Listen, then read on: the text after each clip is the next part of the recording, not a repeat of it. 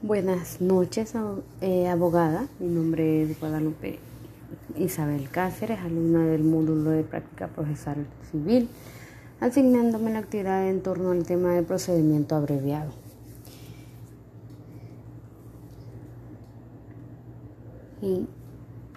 iniciaremos con lo que es la definición del juicio abreviado. El esquema del proceso abreviado es evidentemente menos complejo que el proceso ordinario, ya que aligera los trámites eh, sin que a una adecuada exposición de las partes pretendan a una fase probatoria completa. Eh, permite ante una sentencia que decide responsablemente en un mecanismo que agiliza el proceso de enjuiciamiento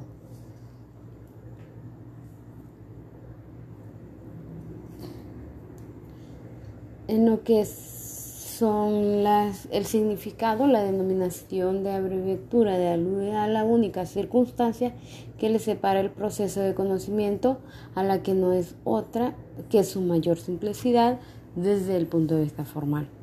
Lo que es el concepto consiste en la realización de un proceso, procedimiento que se efectúa ante la autoridad judicial donde todas las partes en conflicto reseñan hechos, exponen los fundamentos de sus derechos y solicita se declare mediante sentencia a quien corresponda el derecho. En cuanto a las características, eh, esta es acortar los pasos del proceso, solicitud de auxilio judicial directamente con el juez o autoridad competente por la vía más rápida, procedimiento por separado de los delitos conexos, eh, potencial la oralidad, eh, la demanda puede ser presentada y contestada mediante formularios especiales. El proceso eh, de lo que es, que valga la redundancia, el proceso abreviado, 1. La conformidad en el artículo 583 del Código procesal eh, civil, el proceso abreviado comenzará mediante un escrito de la demanda eh, debidamente fechada y firmada, en el que se arpa constar el órgano jurisdiccional ante el quien se presenta los datos que sean necesarios para la identificación del demandante, el demandado, también la identificación a cuáles otros interesados que deban ser llamados al proceso. En ambos casos se precisará la correspondiente domicilio a efectos de notificación. La desprescripción suficiente de los hechos en la que se basa la petición, la petición precisa, eh, en que en este procedimiento el demandante no estará obligado a fundamentar jurídicamente la demanda, en el escrito de la demanda se propondrán eh, todas las pruebas que pretendan utilizar el demandante cuya práctica pudiera determinar la suspensión de la audiencia. En caso de que la admite el juez, dichas pruebas se practicarán antes de la audiencia en la forma establecida en este código. La demanda se acompañará de los documentos procesales y materiales que sean necesarios para justificar su contenido.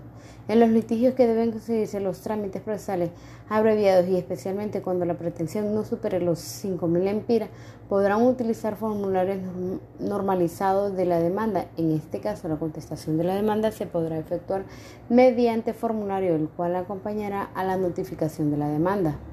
La acumulación objetivos de pretensiones en los supuestos en la acumulación objetivos de pretensiones y acumulación de los, del proceso se aplicarán las normas generales de este código. No procederá la acumulación objetiva de pretensiones salvo que basen en unos mismos hechos o tuvieran carácter judicial respecto de otra. Proceso y y plazos, la admisión de la demanda en el trámite. El juez resolverá los procesos sobre la admisión de la demanda en el plazo de cinco días desde su presentación. Dictará auto de admisión cuando la demanda cumpla con todos los requisitos legales, incluidos o presupuestos procesales no presentes defectos. Dictará auto declarando inadmisible cuando la demanda contengan defectos o no se haya cumplido presupuestos procesales que sean subsanables. La subsanación de los efectos, si el juez apreciara que la demanda tiene defectos o no se cumple con los presupuestos procesales subsanables, se le notificará al demandante para que lo subsane en un plazo de cinco días. Transcurrido dicho plazo sin que el demandante haya procedido a la subsanación, ordenará el archivo de las actuaciones. Caso contrario, dictará autoadmisión de la demanda. En el señalamiento de la audiencia, en el auto de admisión de la demanda se señalará la fecha, día y hora para la celebración de la audiencia y que se comunicará al demandante mediante, citación. Legalmente, se procederá respecto al demandado juntándose en estos casos la citación de las copias de la demanda y sus documentos. En, en todas las citaciones se advierte a las partes que deberán asistir a la audiencia con todas las pruebas que pretendan utilizar. Entre las citaciones y celebraciones de las audiencias deberá de mediar un mínimo de 10 días y un máximo de 20 días. La reconvención y, pruebas previas, el demandado que pretenda reconvenir en el proceso abreviado deberá ponerle en conocimiento del demandante expresado en la esencia los hechos en que se funda la petición, en que se concretan con cinco días al menos de antelación respecto a la fecha de la audiencia, salvo que el demandante ya tuviera conocimiento de ello al haberse expresado el acto de conciliación previo al proceso. Con la misma antelación del demandado deberá proponer todas las pruebas cuyas prácticas pueda determinar la suspensión de la audiencia, en cuyo caso se practicará con antelación a esta.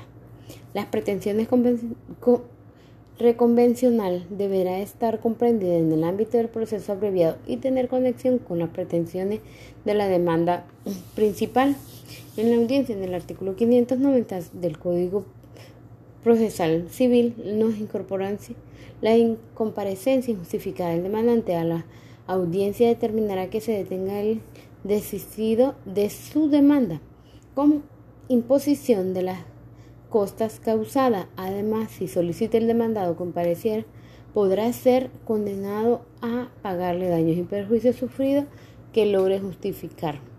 El desistimiento regulado no surtirá efecto cuando el demandado alegue interés legítimo en continuar el proceso hasta dictado la sentencia sobre el fondo. La incomparecencia del demandado no impedirá la celebración de la audiencia. En la respectiva citación de la audiencia, advertirá a las partes sobre los efectos que producirá la incompetencia. Las alegaciones en la audiencia principal, mediante el intento de conciliación, se regirá por el dispuesto para la audiencia preliminar del proceso ordinario. Si no hubiese acuerdo, corresponderá al demandante ratificar su demanda. Seguidamente contestará el demandado, quien podrá exponer en primer término las excepciones procesales y luego reconocerá o negará los hechos a la petición de la demanda. En el último lugar, si en el caso pondrá su demanda reconvencional. Contestación de las alegaciones. El demandado podrá turno tendrá turno de intervención para contestar a las excepciones procesales y materiales del demandado, incluida la reconvención. Asimismo, podrá poner de manifiesto a su vez los efectos procesales referidos de la personalidad y representación de éste. El juez dirigirá el debate, resolverá en el acto todas las excepciones procesales si le rechaza. La parte que formula tendrá derecho a ser en acta su protesta para poder apelar en este motivo contra la sentencia que se dicte. La prueba, la proposición, admisión y práctica de la prueba se regirá por lo establecido en la audiencia preliminar del proceso ordinario. Los alegatos finales se practicarán la prueba o parte de sus defensores